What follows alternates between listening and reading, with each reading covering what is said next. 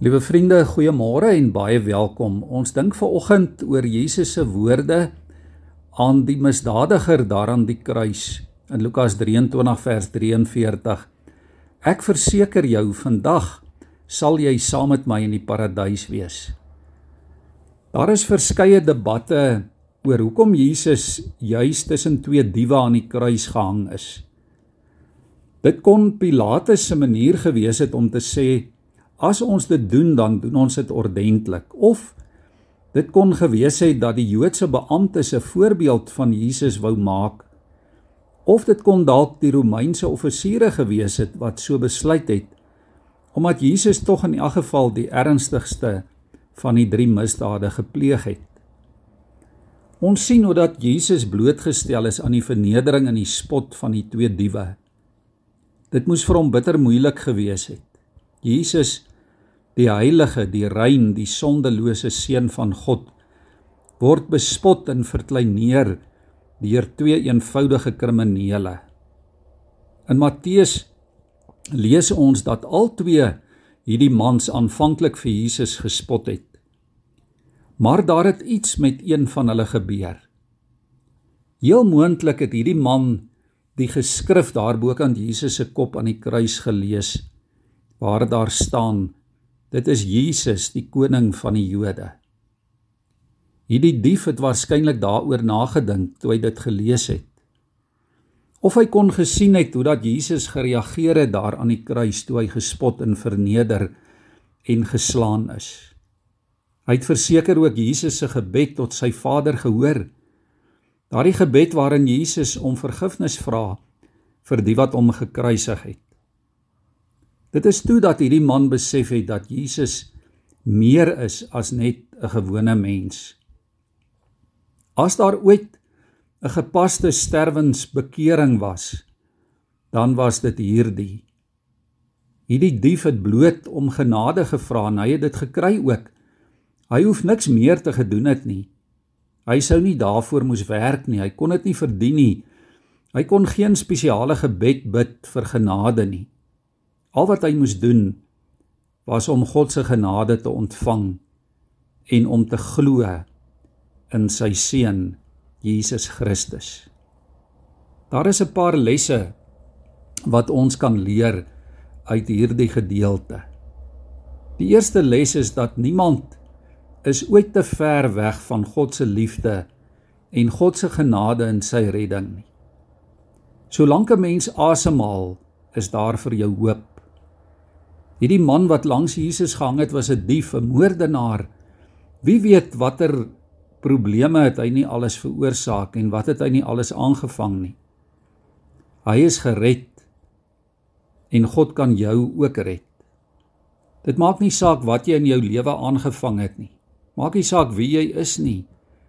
Jesus het gekom om sondaars te red. Elkeen van ons. En al wat God van ons vra, is geloof in sy seun. Ons kan nie sy vryspraak verdien deur goeie dade nie. Ons kan nooit genoeg doen of nooit genoeg gee om dit te verdien nie. Ons kan dit verseker nie koop nie. Nog 'n gedagte is dat ons nooit God se bereidheid om ons dadelik en vir ewig deel te maak van sy familie in twyfel moet trek nie. Jesus sê vir daardie dief Vandag nog sal jy saam met my wees in die paradys. As jy Jesus as jou verlosser en saligmaker aanneem, dan word jy dadelik vergewe. Dan word jy aanvaar, dan is jy reguit op pad hemel toe. Daar is geen rituele of versoeke of spesiale dinge nodig nie. Net eenvoudige geloof in die seun van God. Hierdie man het waarskynlik al gehoor van die paradys, maar hy het nie besef dat dat hy self daar kan en sal wees nie. Sy sonde was te groot. Sy oortredinge en sy menslike gebreke te veel. Liewe vriende, hoor dit vanmôre. God se genade is vir jou genoeg. God sluit vir jou en vir my die paradys in die hemel oop. Dit is waar God in Jesus in sy volheid teenwoordig is. Dis die plek waar ons almal wil wees as ons ons laaste asem hier op aarde uitblaas. Wees daarom versigtig om nie te lank te wag nie. Moenie die genade en die vryspraak van die Vader te lank uitstel nie. Jy mag 'n lewe lei soortgelyk aan die van die dief of selfs erger of jy mag 'n ordentlike en 'n gerespekteerde lewe lei. Dit maak nie saak nie. Ons skiet elkeen ver te kort van die heerlikheid van God. Ons word skoon gewas deur die bloed van Jesus. Kom ons onthou dit. Kom ons aanvaar hierdie vryspraak van die Here. Neem vandag vir Jesus opnuut aan of bevestig jou geloof in hom.